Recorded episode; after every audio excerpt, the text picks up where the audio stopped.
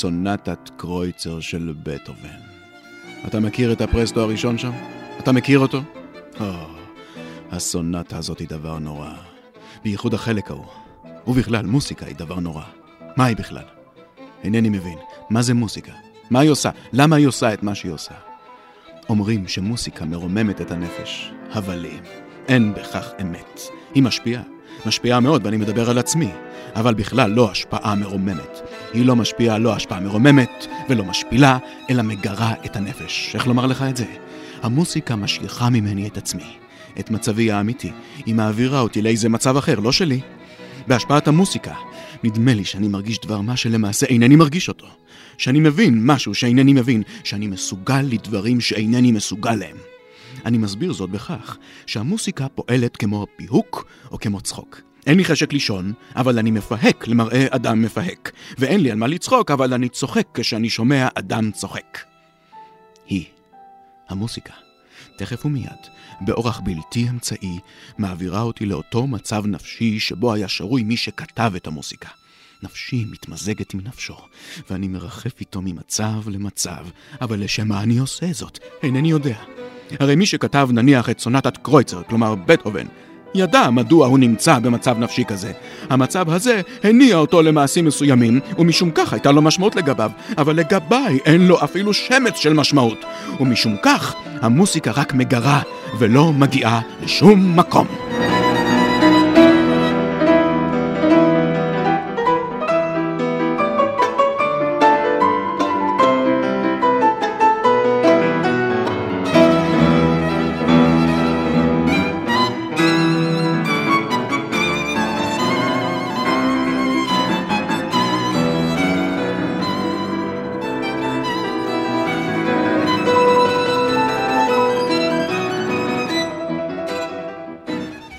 באחד מערבי הקיץ ערכו ילדיו של טולסטוי אה, קונצרט בהשתתפותו של אה, תלמיד הקונסרבטוריון המוסקבאי, הכנר ליאוסוטה, וסרגי, בנו הבכור של אה, טולסטוי, שליווה אותו בפסנתר, והם ניגנו את סונטת קרויצר. לב טולסטוי, שאהב מאוד את היצירה הזאת של בטהובן, הקשיב לנגינה ודמעות בעיניו. משהגיעו לפרסטו, לא יכול עוד היה לשלוט בעצמו. הוא קם מכיסאו, ניגש לחלון, הביט בשמיים הזרועים כוכבים, וכבש בקרבו הנחה כבדה. באותו לילה, לאחר שפרש לחדר השינה, יצאה סוניה, אשתו, נשכרת מרגשנותו היתרה ורשמה ביומנה כי בהשפעת המוזיקה נעשה ליובצ'קה מלא חיבה ורוך כבעבר. כמה שבועות לאחר מכן ידעה כי היא הרה. אה, והקטע הזה אה, לקוח מתוך הביוגרפיה של אנרי טרויה על טולסטוי, חושף לא רק את מקור ההשראה או את הסיבה הטריוויאלית אולי לכתיבת הנובלה סונטת קרויצר, כשמה של הסונטה לכינור ופסנתר, מספר 9 בלה מז'ור, אופוס 47, המכונה קרויצר, מאת בטהובן. הסיפור הזה חושף אולי את המהות או את המניע בנובלה של טולסטוי, כשהוא כוחה העצום של המוזיקה. על סונטת קרויצר מאת לב טולסטוי, כאן בסימן קריאה, אנחנו מארחים את נגן הוויולה, דוקטורנט בחוג למוסיקולוגיה באוניברסיטה העברית, יואל גרינברג, שלום. שלום רב. אני רותי קרן. אחת השאלות המעניינות בקשר בין היצירה המוסיקלית של בטהובן ליצירתו הספרותית של טולסטוי, היא מדוע בעצם טולסטוי קרא לנובלה הזו סונטת קרויצר. וזאת משום שהחלק שמדבר באופן ישיר על הסונטה הזו הוא קצר מאוד בסיפור, ועם זאת, למרות שהוא נראה לכאורה אולי אפילו שולי בתוך היצירה, שעוסקת רובה ככולה בחיי הנישואים, בקשר זוגי, באהבה, בתשוקה, בשנאה, בקנאה, בכל זאת בחר טולסטוי לתת ליצירה הספרותית שלו את שמה של היצירה המוזיקלית שכתב בטהובן. זאת אה, לדעתי שאלת השאלות של הספר הזה, מה. מטריד לאורך כל הדרך. באמת מחכים כל הזמן לאורך הספר לקבל את ההתייחסות למוזיקה, ומלבד אה, מילה פה, מילה שם, כמעט שאין התייחסות. ואז כשהוא מגיע לסונטת קרויצר, הגיבור שאמור, אני חושב, לבטא את דעותיו של טולסטוי עצמו בהרבה חלקים מהספר, פתאום מביע את הדעות השליליות ביותר שאפשר והנחרצות ביותר על הכוח השלילי של המוזיקה בקטע ששמענו בהתחלה, דברים אה, מזעזעים, אה, דברים שהם אה, אולי הכי רחוקים ממוזיקה. אבל ייתכן ש, שדווקא בזה, דווקא בהתייחסות הזאת למוזיקה בתור uh, משהו מהפנט, זה משהו שמשפיע על המאזין ומכניס אותו לאווירה, למצב רוח שהוא לא מבין מאיפה הוא הגיע, לאותו מצב רוח של המלחין. ייתכן שדווקא בזה תמונה התשובה לשאלה הזאת. שהכוח של המוזיקה זה גם הכוח של הספרות, הכוח של הסופר. הכוח של הסופר להכניס אותנו למצב היפנוטי, למצב שבו אנחנו אמ, חושבים דברים ורואים דברים מנקודת אה, מבט של מישהו שאנחנו לא חווים את העבר שלו ולא חווים את מה שהביא אותו לשם. ומה שאולי אפילו יותר קיצוני מזה מהמשל בין המוזיקה לספרות, זה ש... יכול להיות שטולסטוי עצמו, וטולסטוי לא, לא היה חובב גדול של, של בטהובן, של סונטת קרויצר, של הפרק הראשון של סונטת קרויצר כן, אבל לא של בטהובן בכלל, יכול להיות שהוא הרגיש שבסונטת קרויצר בטהובן מביא את הסגנון המוזיקלי האהוב עליו, את הקלאסיות, את היידן ומוצרט, לקצה גבול האפשר, לקצה גבול היכולת ש... שהיא עדיין בסדר, אבל שהוא ממש מצליח אה, לבטא פה איזושהי אה, חושניות, איזושהי אה, מוזיקה שהיא למעשה מרגיזה, אבל עדיין בגבולות הסביר, עדיין בגבולות המותר. וקשה שלא להאמין שזה מה שטולסטוי בעצמו עושה בספר, בספר שלו. ואולי הוא רואה בספר את ה... את הקרויצר סונטה של עצמו, את סונטת הקרויצר שלו, את הבמה שלו להביע דעות אה, שאומנם הן שלו, שהם בסדר, אבל בקיצוניות אבסורדית.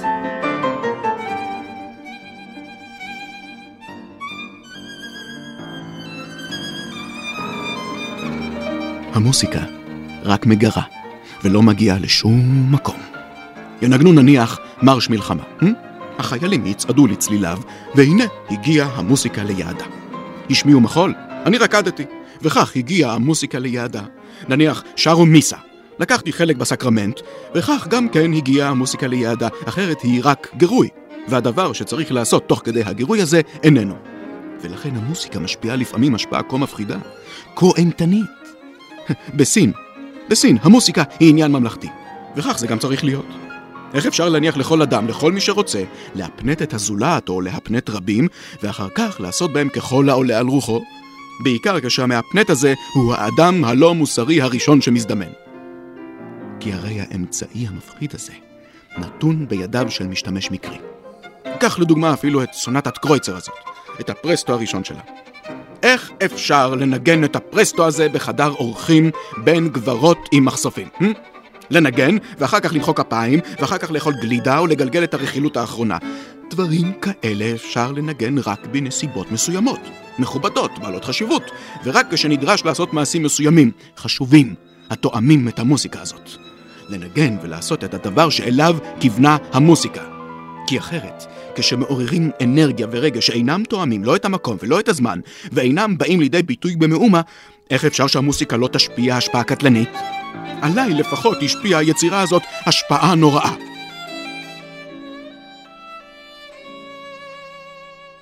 מוזיקה כאומנות בעלת יכולת השפעה רגשית גבוהה מאוד, אולי יותר מכל אומנות אחרת, מותירה אותנו אה, חסרי אונים מולה. אולי בגלל שהיא אינה ורבלית אה, וחודרת באופן בלתי אמצעי או בלתי מודע לתוכנו, מעוררת תגובה רגשית בעלת אה, עוצמה, וככזו, האם היא יכולה להצטרף לרפרטואר של הרגשות שהזכרנו, של קנאה, שנאה, אהבה, מוזיקה? אני חושב שזה אפילו המצב הקיצוני ביותר. דעות כמו שהוא אמר על מוזיקה, הוא אומר גם על אה, איך אפשר לשמוע מוזיקה מול גברות חשופות חזה, בדיוק את הסכנה הזאת הוא מייחס גם לגברות חשופות חזה בלי המוזיקה. הוא, אני חושב, בחלק אחר מהספר הוא מציע לקרוא למשטרה, אה, כל פעם, ש, כל פעם שהוא רואה גברת לבושה שלא כמו שצריך. אז הסכנה הזאת היא לא קיימת רק במוזיקה, אבל במוזיקה זה מגיע לאיזושהי אה, קיצוניות. וכששומעים את סונטת קרויצר, ובטח כשמשווים את זה לסונטות אחרות לכינור, גם של בטהובן, אבל בוודאי של אה, מלחינים אחרים, זאת מוזיקה במיוחד אה, אינטנסיבית. מרגע הפתיחה, מהמבוא האיטי, מלא ההוד, אנחנו כבר נקראים לסדר, וטולסטוי עצמו ראה את המבוא הזה בתור uh, הצהרה של הולך להיות כאן משהו רציני. ואז יש לנו נושא ראשון סוער מאוד, משהו שהוא לחלוטין לא עם יופי קלאסי אובייקטיבי, משהו מאוד סובייקטיבי, נושא רומנטי אה, שמגיע מיד אחר כך, ואחר כך מה שטולסטוי ראה בתור נושא חושני. נושא שמסמל תאוות בשרים. כי מה שמעניין שטולסטוי באמת ראה ביכולת של המוזיקה להשפיע באמת משהו מסוכן, משהו מפחיד. אתה יכול להבין כמוזיקאי את הפחד הזה שלו? אתה יכול לראות את הצד האפל של המוזיקה? בוודאי, אפשר... אה, כל, כל אחד, אני חושב, מרגיש ש, ש, שיש מוזיקה כלשהי שמשפיעה עליו עד שהוא פתאום נמצא בעולם אחר. ומספרים על, על טולסטוי עצמו, שהוא, שכשהוא היה מאזין למוזיקה כמעט מכל סוג, הייתה מעבירה אותו לעולם אחר לגמרי. אני, כש, כשאני שומע באך במיוחד, אבל uh, גם הרבה מוצרט, היידן, בטהובן, זה מעביר אותי לעולם אחר לגמרי. אבל לעולם נעלה, לא, לא לחלק, לאפל? לאו דווקא, אה, ברליוז יכול להעביר אותנו לעולם של גרוטסקה, לעולם של, אה, של כיעור, זה חלק מהכיף, להיות, פתאום לעוף לעולם אחר.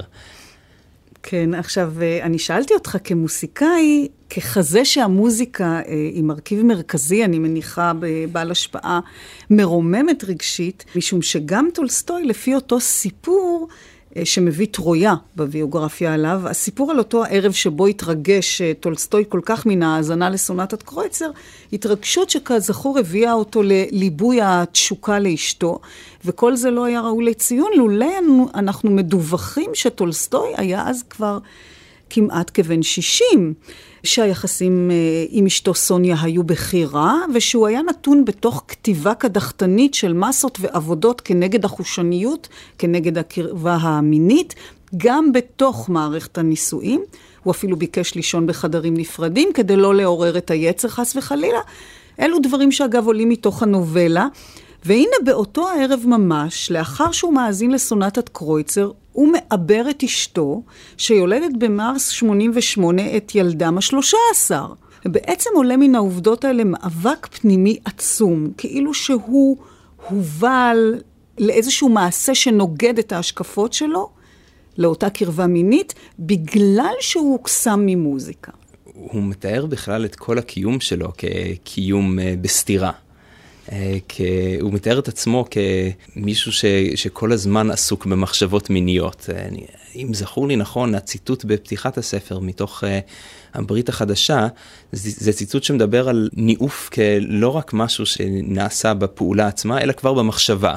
והוא בוודאי מעיד על עצמו שהוא היה עסוק במחשבות האלה ללא הרף.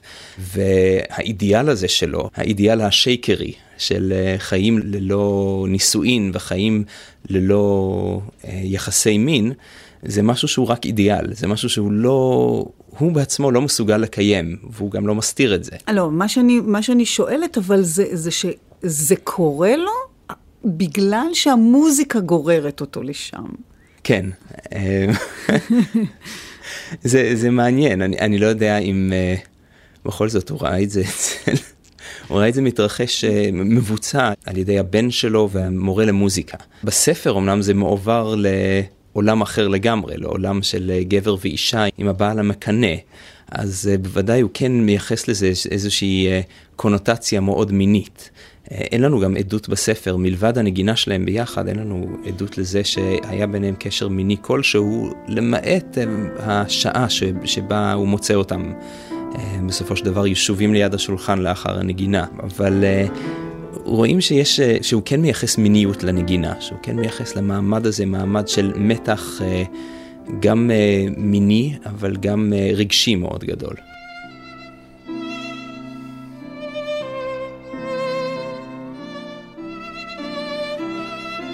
בערב באה עם הכינור והם ניגנו. אהבתי מאוד את המוסיקה ועודדתי את נגנתם. סידרתי לו את כאן התווים, העברתי את העמודים. נגינתו הייתה מעולה, והיה לו צליל יפה יוצא דופן. נגינתו גם הצטיינה בטעם מעודן ואצילי שכלל לא טעם את אופיו. אשתי נראתה מעוניינת במוסיקה בלבד והתנהגה בפשטות ובטבעיות, ואילו אני, אף על פי שהעמדתי פנים שגם אני מעוניין במוסיקה, לא חדלתי כל הערב להתייסר בקנאה. מן הרגע הראשון שעיניו פגשו את עיני אשתי, ראיתי שהחיה שיושבת בתוך שניהם שואלת, למרות כל התנאים של המצב והחברה, האם מותר? וגם עונה לעצמה, או, oh, כן, ברצון. ראיתי שהוא כלל לא ציפה למצוא באשתי, גברת מוסקבאית טיפוסית, אישה כה מושכת, ואף מאוד שמח על כך. מפני שלא היה לו שום ספק שהיא מסכימה. כל השאלה הייתה רק אם הבעל הלא נסבל הזה לא יפריע. האיש הזה, גם בגלל החידוש וההידור שבו, ובעיקר הודות לכישרונו הרב והוודאי במוסיקה, בגלל התקרבותם ההדדית בנגינה המשותפת, בגלל השפעת המוסיקה על בעלי טבע רגיש, במיוחד כשמדובר בצלילי כינור, האיש הזה בלי ספק צפוי לא סתם למצוא חן בעיניה, אלא בהחלט וללא היסוס הוא אמור לכבוש את כל כולה, למחוץ, לסובב לכל כיוון שירצה, לקלוע ממנה חבלים, לעשות בה כל מה שיעלה על רוחו. לא יכולתי לא לראות זאת. והתייסרתי נוראות. מוזר כמה השפיע עליי נוכחותו של האיש. כעבור יומיים או שלושה חזרתי הביתה מתערוכה. נכנסתי למבוא, ופתאום הרגשתי שמשהו כבד כאבן מתחיל להעיק על ליבי ואינני מסוגל לעמוד על משמעותו. והלא אותו משהו היה שבעוברי דרך המבוא הבחמתי בדבר מה שהזכיר אותו. רק בחדר העבודה עמדתי על פשר הדבר וחזרתי למבוא לבדוק את עצמי. אכן לא טעיתי. זה היה מעילו. הדלת לטרקלין סגורה, ומשם אני שומע ארפג'ו ריתמי, ואת קולותיהם שלו ושלה. אני מטה אוזן, אך אינני מסוגל לפענח. מן הסתם נועדו צלילי הפסנתר לעמעם את דיבוריו, ואולי אף את נשיקותיהם. או... אוי לי, מה שהתחולל בי באותו רגע. די שאזכר באותה חיה ששכנה בתוכי, ואז אני נתקף זוועה. ליבי נחמץ, נעצר. ואחר התחיל להלום כפטיש. הרגש העיקרי, כמו תמיד, כמו בכל איבה, היה הרחמים העצמיים. ועוד בנוכחות הילדים והאומנת, אמרתי ביני לביני. מן הסתם היה, המראה שלי היה מפחיד, מפני שגם ליזה שלחה בי מבט מוזר. מה אם כך עליי לעשות? שאלתי את עצמי. להיכנס? אסור לי, כי רק אלוהים יודע מה אני עלול לעולל שם, אבל היה אסור גם לסגת. האומנת הסתכלה עליי כאילו היא מבינה את מצבי. הרי פשוט אי אפשר לא להיכנס. אמרתי בליבי ופתחתי את הדלת במהירות. הוא ישב על יד הפסנתר וביצע את הארפג'י האלה באצבעותיו הלבנות הגדולות המתעכלות כלפי מעלה. היא עמדה בקצה הפסנתר, גוחנת על חוברת התווים הפתוחה. היא הייתה הראשונה שראתה או שמעה אותי ושלחה עליי מבט. אם נבהלה והעמידה פנים שלא נבהלה או שלא נבהלה באמת, כך או כך, לא עבר בגופה שום רעד והיא לא זזה, אלא רק הסמיקה, ואף זה קרה מאוחר יותר. אני כל כך שמחה שבאת. אנחנו מתקשים להחליט מה לנגן ביום ראשון, אמרה בנימה שלא נקטה כשדיברה איתי ביחידות. הנימה הזאת, וגם העובדה שאמרה אנחנו, עליה ועליו, קוממו אותי. בירכתי אותו לשלום בשתיקה.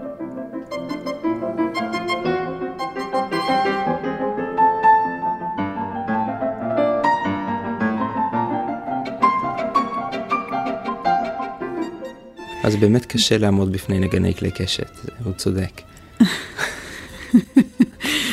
זה בתור אחד שהוא נגן כלי קשת. כן, כן.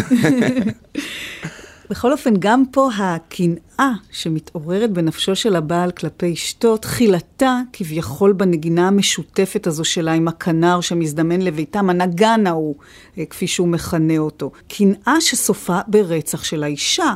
אה, כנראה, באמת, כמו שאמרת, אפילו ללא סיבה של ממש, ובכל זאת אפשר לומר שנמתח קו ישיר בין המוסיקה לבין הרצח. ושוב בידיעה שטולסטוי אהב, אהב מאוד את היצירה המוזיקלית הזאת, והתרגש ממנה באופן כזה שהוביל אותו, לפי עדות אשתו, לגילויי רוך וחיבה. מדוע בכל זאת הוא בחר לתת למוסיקה תפקיד דמוני ביצירה הספרותית שלו? אני לא יודע אם uh, גילויי רוך וחיבה זה אולי הדרך שהוא שכנע את אשתו לקיים את מה שבאמת המוזיקה עוררה אצלו. אה, כי הוא, בשבילו זה, המוזיקה מייצגת בדיוק את מה שיחסי המין אה, מייצגים, וזה המפלה של אדם, הנפילה שלו בפח הגדול הזה של אה, הכניעה ליצר. המוזיקה משתלטת עליו, היא כופה עליו לעשות את זה, והוא משתמש כנראה בכללי הטקס שהוא יודע שיביאו את אשתו למיטה. על מנת להביא אותה, באמת להביא אותה לשם. אני לא יודע אם צריך להאמין לה, שזה היה מה שהמוזיקה הוציאה ממנו. כן, אני רק תוהה למה בתפקיד שהוא נתן למוזיקה בסיפור הזה, הוא נתן לה את התפקיד של המכשפה האפלה. כי מוזיקה מכשפת, זה בדיוק המסר שלו בנוגע למוזיקה. המוזיקה מהפנטת, המוזיקה מוציאה אותך מהמצב האמיתי של הדברים, ושמה אותך בעולם אחר, בעולם של, של המלחין.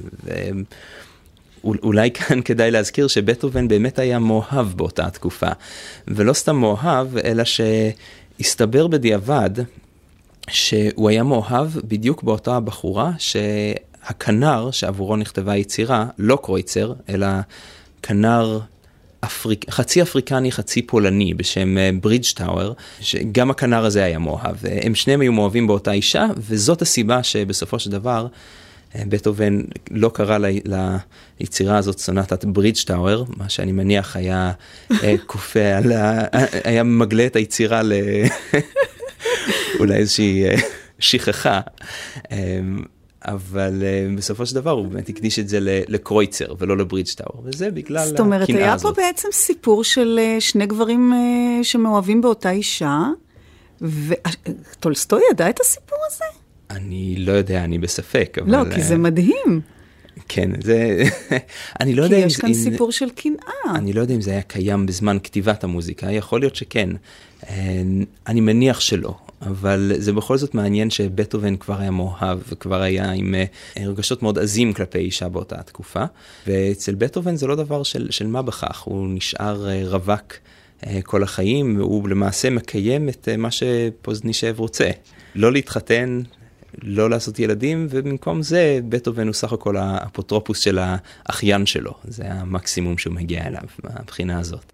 סימן קריאה, רשת א' של כל ישראל, באולפן אה, נגן אביולה יואל גרינברג, אני רותי קרן. לאחר אותו ערב שטולסטוי שמע את היצירה של בטהובן, הוא אמנם מיהר אל אשתו ויצר מיד ילד חדש, אבל חיבור יצירתו הספרותית החדשה החל רק כעבור שנה בערך, לאחר שהוא שמע את סונטת קרויצר בפעם השנייה.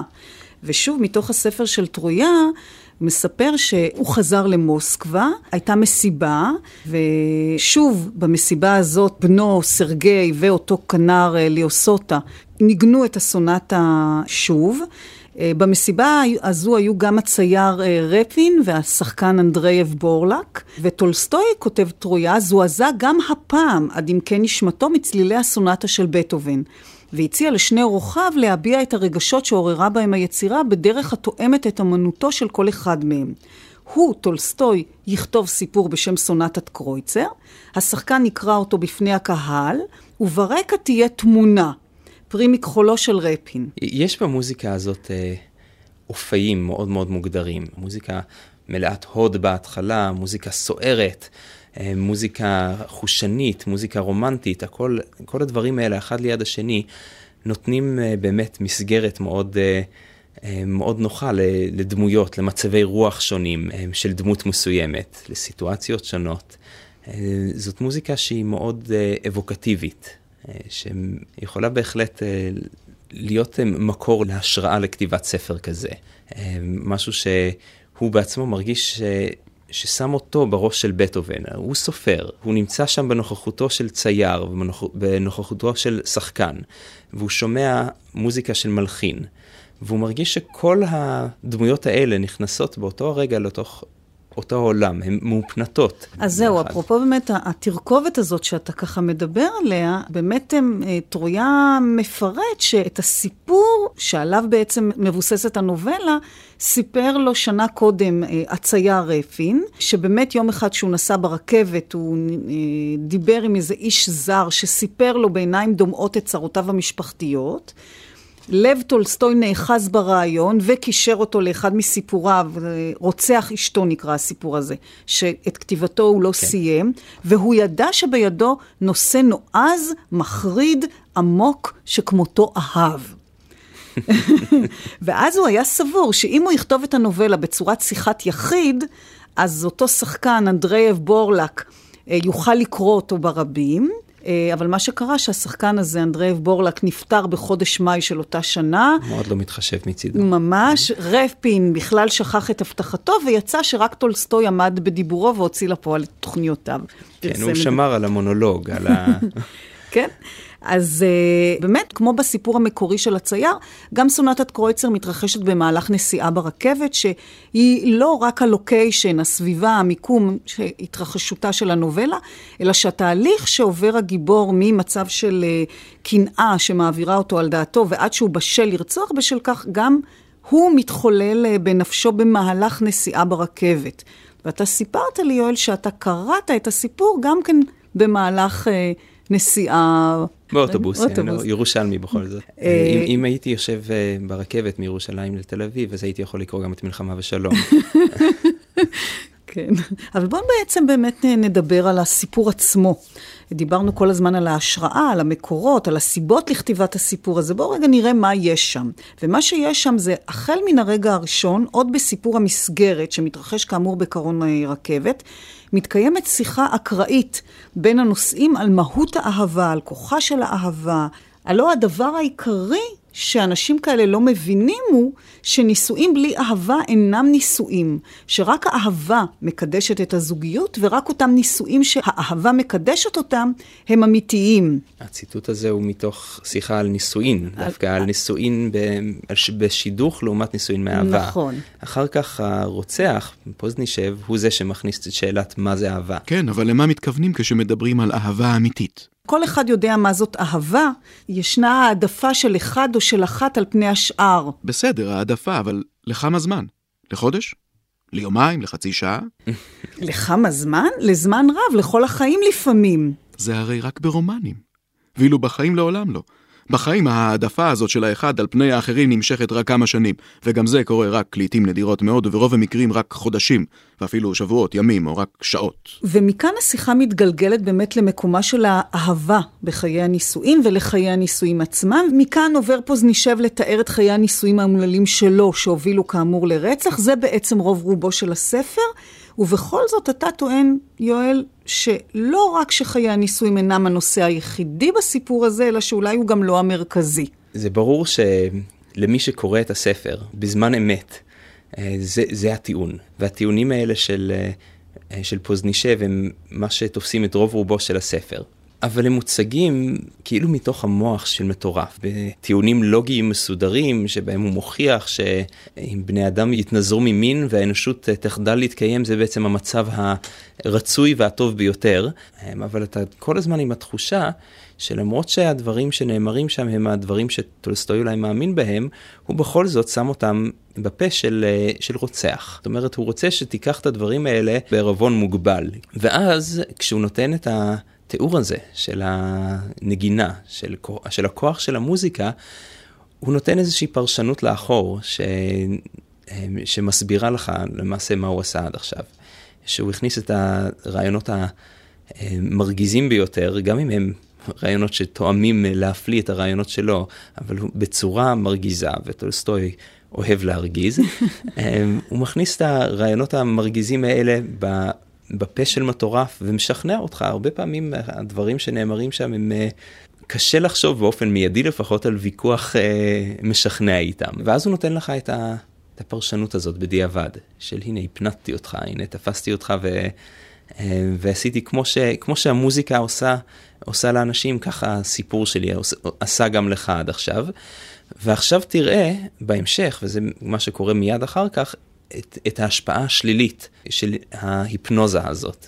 ומכאן כל מה שנשאר זה הרצח. כן, וללא ספק, אם, אפילו אם נשאיר את סצנת הרצח בצד לרגע, הדברים שנאמרים על חיי הנישואים והפרק הארוך והמזעזע שבא מיד אחר כך על הילדים, שזה נושא שהוא כאילו טאבו מבחינת זה שילדים נתפסים אצלנו תמיד כמקור לאושר ושמחה, ואילו כאן מטלות, כאב, עול ותסכול תמידיים, כל הדברים האלה הם באמת אה, מהממים, גם בהקשר שהם נכתבו, גם בהקשר לתקופה, וגם באופן שבו הם נאמרים, בבוטות, בישירות, בפיכחון, שמשאיר אותך המום לנוכח, אה, זה נראה ממש כמו תפיסה מודרנית אה, של טולסטוי, את הזוגיות, את מעמד האישה?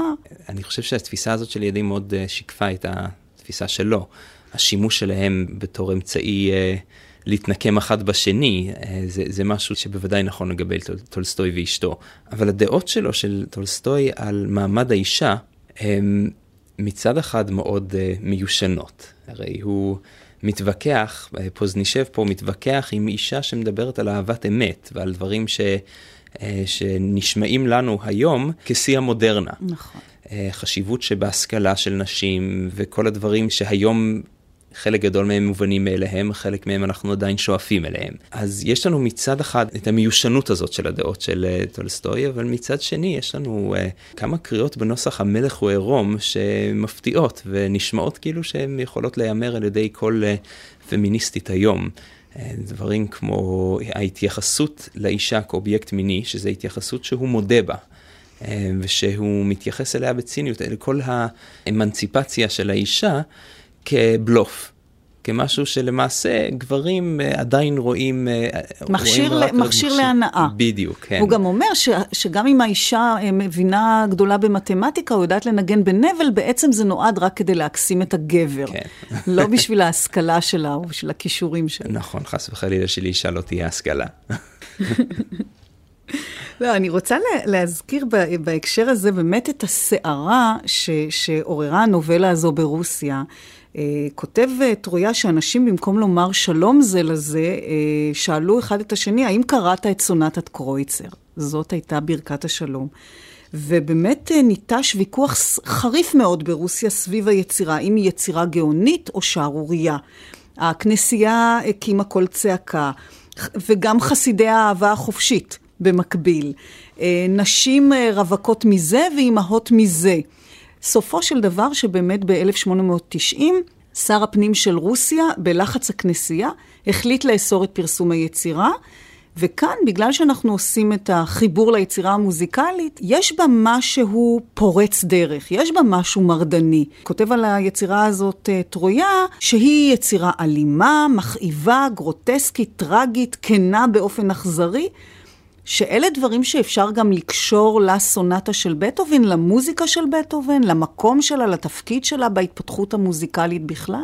כנות באופן אכזרי, אני חושב שבמילים האלה אה, את מתמצתת אה, בצורה מאוד מאוד קולעת אה, התייחסות של הרבה אנשים לספר. אני, אני לא כל כך שותף לגישה הזאת, כי זאת גישה שנובעת מראייה מאוד אוטוביוגרפית של הספר. אפשר לראות את הספר כיותר קיצוני. אבל um, הרבה אנשים, כמו המתרגמת הקבועה שלו, אני חושב, אה, איזבל הפגוד, ראו את הספר בתור uh, יותר מדי כן, ושאלו את עצמם מה גבולות הריאליזם המותרים. אבל באמת הכנות הזאת היא מה שמאפיין בשבילי בצורה המדויקת ביותר את המוזיקה של בטהובן.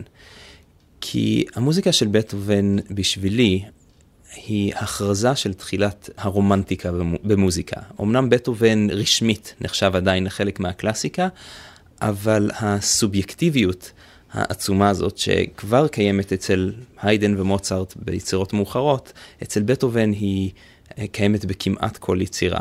הרגשה שבטהובן חושף חלק גדול מעצמו, שבטהובן הוא שערורייתי, שבטהובן מסוגל אה, בשביל לבטא את מה שהוא רוצה לבטא באותו הרגע, לכתוב כל דבר, אפילו לכתוב מוזיקה שהיא מכוערת. והמוזיקה המאוחרת שלו, שלדעתו של טולסטוי הייתה בלתי נסבלת, אמ, היא הרבה פעמים מכוערת, וזה חלק גדול מהאסתטיקה שלה, כמו, שזה, כמו שהכיעור הזה הוא חלק מהאסתטיקה של טולסטוי. מבטהובן והלאה, היכולת הזאת להראות דברים שהם לא, לא רק יפים, לא רק נעימים, אלא ממש להרגיז. אה, זה, זה משהו שהוא חלק אינטגרלי מהמוזיקה ומשהו שבוודאי קסם לטולסטוי במוזיקה של, של בטהובן.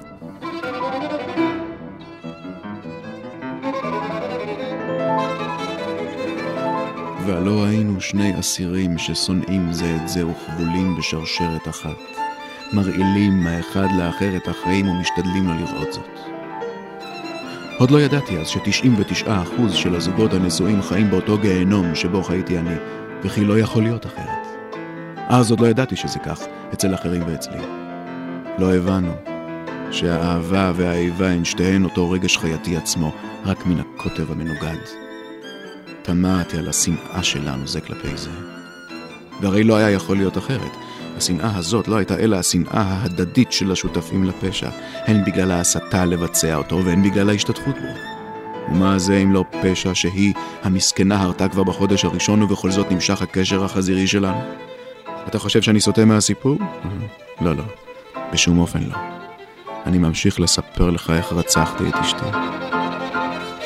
בבית המשפט הם שאלו אותי במה ואיך רצחתי אותה. כסילים. הם חשבו שרצחתי אותה אז בסכין בחמישה באוקטובר, אבל לא אז רצחתי אותה, אלא הרבה לפני כן.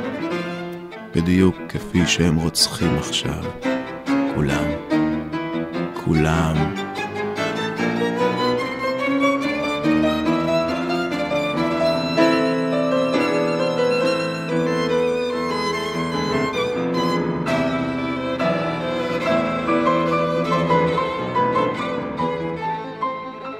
וסוניה קראה את הדברים האלה וזעמה ובכתה. היא קודם הקריאה את זה לילדים. את זה לא ידעתי.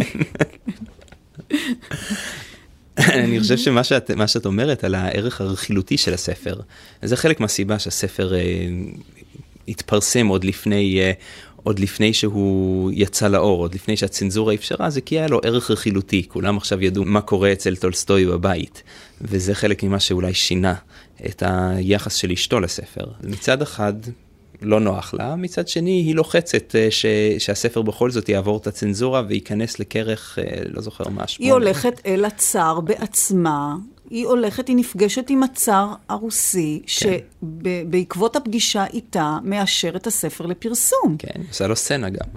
והיא הייתה מאוד גאה בזה. למה היא הייתה גאה בזה? משום שהיא ראתה לכולם, הנה, אם אני נלחמת למען פרסום הספר, סימן שמה שכתוב פה זה לא נכון בעצם. כן. הייתה מתוחכמת. אגב, באותו זמן, אה, טולסטוי מאוד מאוד חשש שהוא עלול להתפתות. אה, שוב לחיי המין הנוראים, ו... להכניס את אשתו להיריון במהלך העבודה על סונטת קרויצר, ש, ששם הוא שוטח את כל טענותיו כנגד הדברים האלה, ואז הוא בעצם ביקש ממנה שהם ישנו בחדרים נפרדים. כן. כי אחרת קלונו היה נחשף ברבים, הוא היה ממש מושם ללעג ולקלס. והיא לעומת זאת מפרסמת בדיוק... אה, מפרסמת בדיוק את ההפך, שהיא חוששת שהוא אה, ירצה להכניס אותה להיריון כדי שלא יחשבו שהיא לא אישה מושכת, כדי שיבינו שהוא עדיין רוצה אותה. אז כל אחד מנסה לשחק פה, להציל את הכבוד שלו.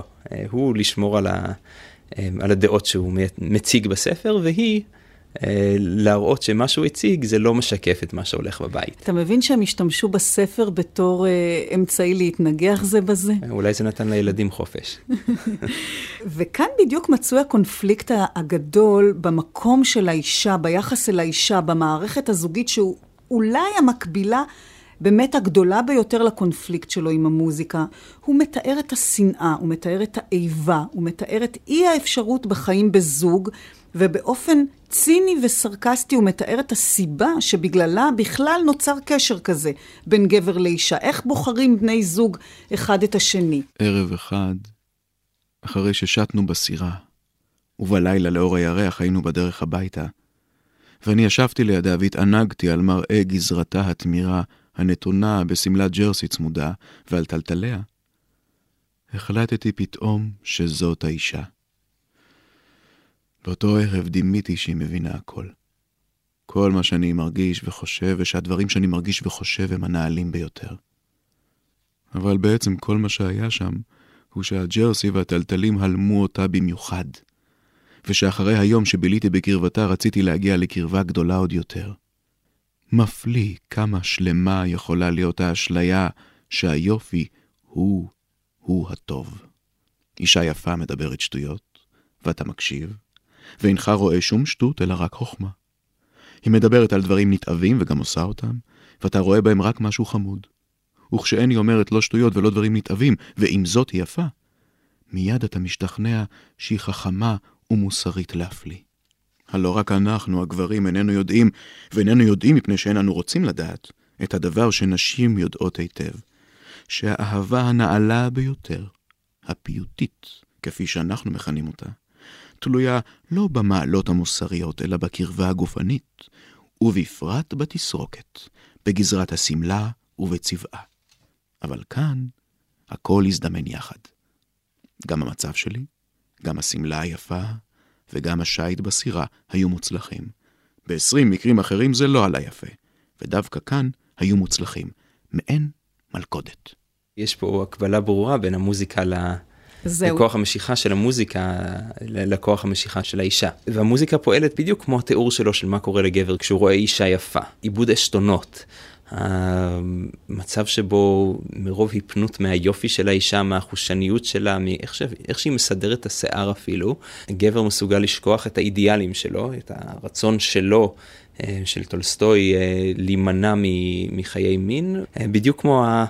כמו זה שהמוזיקה גרמה לו לשכוח את זה שהוא החליט שהוא לא רוצה לשכב עם אשתו יותר, ובכל זאת ללכת איתה ולעבר אותה באותו הלילה. כן, ושוב, אם אנחנו נוגעים במניעים, אנחנו חייבים אה, אה, להביא את הגלגול של היצירה הזו של בטהובן וההשראה שלה על טולסטוי, אל המשכו שחוזר לעולם המוזיקה. אתה סיפרת לי, יואל, שבעקבות הנובלה של טולסטוי, כותב מלחין צ'כי, לאו שיאנצ'ק, רבייה לכלי קשת, והוא קורא לה סונטת קרויצר. כן. זה, זאת אה, יצירה מאוד מאוד מרגשת.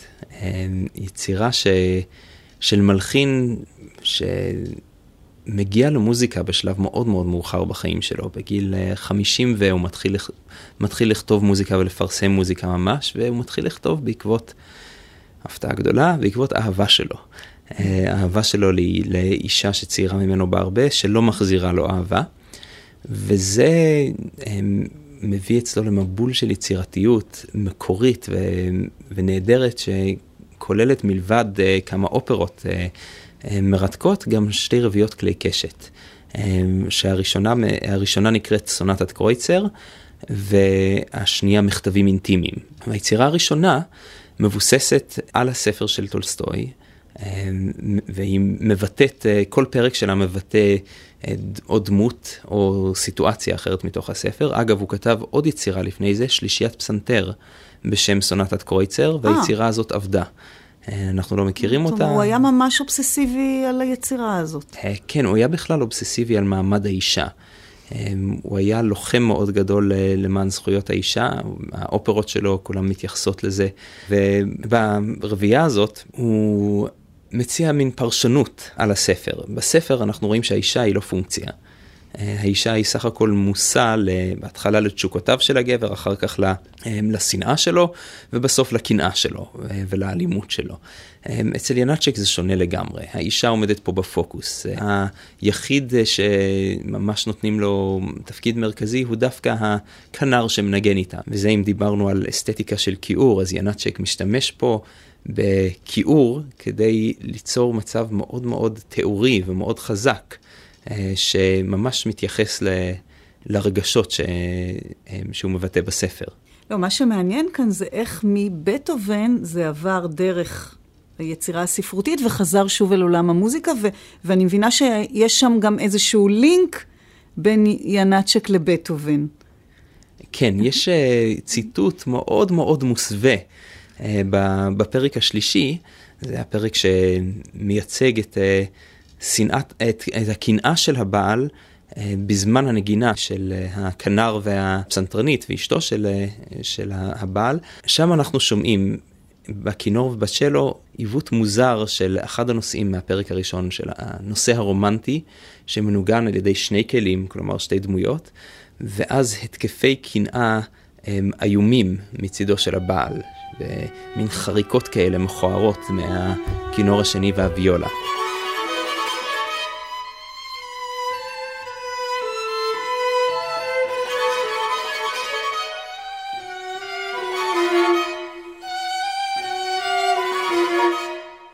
אני זוכר את ההתנגדות הרגעית של המכוך ושל משהו נוסף, ואחר כך את החדירה של הפיגיון לתוך משהו רך. היא, תפסה את הפיגיון בידיה והן נחתכו, אבל היא לא הצליחה לעצור אותו. אני זוכר שלהרף עין, רק להרף עין לפני המעשה, הייתה בי המודעות הנוראה שאני הורג, שכבר הרגתי אישה חסרת מגן. אשתי. אני זוכר את האימה של המודעות הזאת, ומזה אני מסיק. ואפילו נזכר בי מעומעם שלאחר שנעצתי את הביגיון שלפתי אותו מיד, מתוך רצון לתקן את מה שנעשה ולעצור אותו. שנייה אחת עמדתי בלי נוע וחיכיתי לראות מה יקרה, אולי, אולי עוד אפשר לתקן. היא קפצה על הרגליים וצעקה, אומנת! הוא הרג אותי! האומנת ששמעה את הרעש הופיעה בדלת. ואני המשכתי לעמוד, מחכה ולא מאמין. אבל אז פרץ הדם מתחת למכוך שלה. זה רצח שהוא שונה מכל, מכל רצח אחר שקוראים עליו. התיאור שלו מנותק לגמרי של איך שהוא הוא זוכר את הפרטים הקטנים. בכלל לא איזשהו טירוף של, של רוצח שנכנס לטירוף. אגב, בסיפור הרוצח מזוכה מכיוון שהוא פעל מתוך טירוף של קנאה. אבל הוא בעצמו אומר ש, שאין שום הצדקה לזה. כשאנשים אומרים שאינם יודעים ואינם זוכרים מה שעשו בהתקף של טירוף, הלא זה הבל, שקר גמור. אני זכרתי הכל ולא חדלתי לזכור אפילו לרגע. הוא כאילו מתווכח פה עם הראייה המקובלת של אה, מה קורה כשמישהו רוצח, או מה קורה כשמישהו בהתקף של קנאה, הוא אומר לא. אני יודע בדיוק מה עשיתי, זה מה שעשיתי, זה המעשה המכוער שעשיתי, ואני יודע ממה זה נבע. אבל העניין של הניתוק הזה באמת, הוא, הוא קצת לא מסתדר עם זה שבעצם לאורך כל הסיפור מובילים אותנו שהמטען של, של הדבר הזה הוא כל כך רגשי, והוא כל כך יצרי, ו- והמוזיקה שאשמה בכל. ופתאום כשמגיעים לשיא מבחינת ה... באמת ביטוי רגשי ש- שהופך לאלימות, דווקא שם לא קיים כלום. זה כן, ריק. כן, זה, זה אחד, ה... אחד הדברים הכי מעניינים. זה גם מתואם בצורה מאוד יפה עם אה, מוטיב של תנועה בספר. הספר כולו מתרחש בזמן נסיעה ברכבת. אז uh, כל הזמן יש תחושה כזאת של תנועה. אגב, ינאצ'ק ברביעייה מייצג את זה באמצעות uh, הכותרת, לכל פרק יש את הכותרת בתנועה. ומהרגע שהבעל, שהרוצח, נותן לה, לרגש הקנאה להשתלט עליו, הוא מחליט לנסוע חזרה ולרצוח את אשתו, הוא נמצא כל הזמן בתנועה. קודם הוא בתוך כרכרה, אבל אנחנו שומעים את הסיפור בתוך רכבת. אז יש לנו כרכרה בתוך רכבת. אחר כך הוא עובר לרכבת ושומעים רכבת בתוך רכבת, ואז הוא מגיע הביתה והכל נעצר. ובעצם ההחלטה לרצוח את אשתו, זה, זה מה שמשנה מבחינתו. אחר כך הפעולה עצמה... התיאור שלך נשמע ממש כמו, אה, כמו איזה, ש, איזה שהן הנחיות מוזיקליות. אה, סונטת קרויצר של uh, טולסטוי מגוללת סיפור על חיי נישואין כושלים, על אי היכולת ליצור קשר של ממש בכל זוגיות. תחילתו של הסיפור בוויכוח על האהבה כתנאי לנישואין, והקשר הזוגי היחידי שכן מתקיים כאן וגם מאיים על הגיבור, הוא דווקא הקשר שנוצר באמצעות האומנות, באמצעות המוסיקה. כמי שחי, בוודאי חווה, אה, קשרים שכאלה, חיבורים שכאלה. האם באמת הקשר שנוצר בין אה, שני מנגנים הוא כל כך עז, הוא כל כך טהור, כל כך שלם, כל כך נעלה, שרק הוא בעצם יכול אולי להשתוות לאהבה האמיתית, בניגוד לזוגיות של הנישואין, רק האומנות אולי יכולה לחבר בין אנשים חיבור אמיתי? זאת חייבת להיות גישה של מישהו שהוא לא מוזיקאי. כשרואים את זה מבפנים זה לא ככה, זה חיבור מאוד מיוחד. לנגן עם אנשים, אה, להשתתף בחוויה של אה, יצירה משותפת. אבל אה, זה בוודאי לא מתחרה בכלל עם קשרי נישואין, עם, זה, זה, לא, זה לא קשר ש... אמ, שאפשר לבלבל אותו עם, עם קשר רומנטי, למעט העובדה שהרבה פעמים גבר ואישה יכולים למצוא את עצמם הרבה שעות ביחד, בעקבות נגינה משותפת. אבל הנגינה עצמה היא התמסרות למשהו משותף, זו חוויה פנטסטית, אבל זאת חוויה שונה לחלוטין. כי כאן, בסיפור, הכוח הזה, הקשר הזה, מה שנוצר ביניהם במהלך הנגינה כתוצאה מהיותם נתונים בעשייה אומנותית, עומד מול הזוגיות האמיתית ומנצח אותה. אולי בכלל מדובר מבחינת טולסטוי בכוחה של האומנות לעומת החיים עצמם. אבל טולסטוי נזהר. טולסטוי מאוד מאוד נזהר לא לגלות לנו מה באמת קורה פה. אה, אם באמת היא בגדה או שלא. אה, אנחנו יודעים רק שהם ניגנו ביחד. וזה מספיק בשבילו בשביל לקיים את הרצח. קשה לי לקשור בין הנגינה המשותפת אה, לכוחה של אה, ההשפעה של הנגינה על המאזין להשפעה שלה על המוזיקאים. זה, זה דברים שונים, יש בזה משהו שהוא מאוד מהפנט, אבל זה לא, זה לא אותו הדבר. טוב, זו רומנטיקה אולי באמת של אנשי ספרות על אנשי המוזיקה. כן. סונטת קרויצר מאת לב טולסטוי, כאן בסימן קריאה. תודה רבה לנגן הוויולה יואל גרינברג. לזוהר סדן על קטעי הקריאה, ארז שלום על הביצוע הטכני, ואני רותי קרן, להתראות.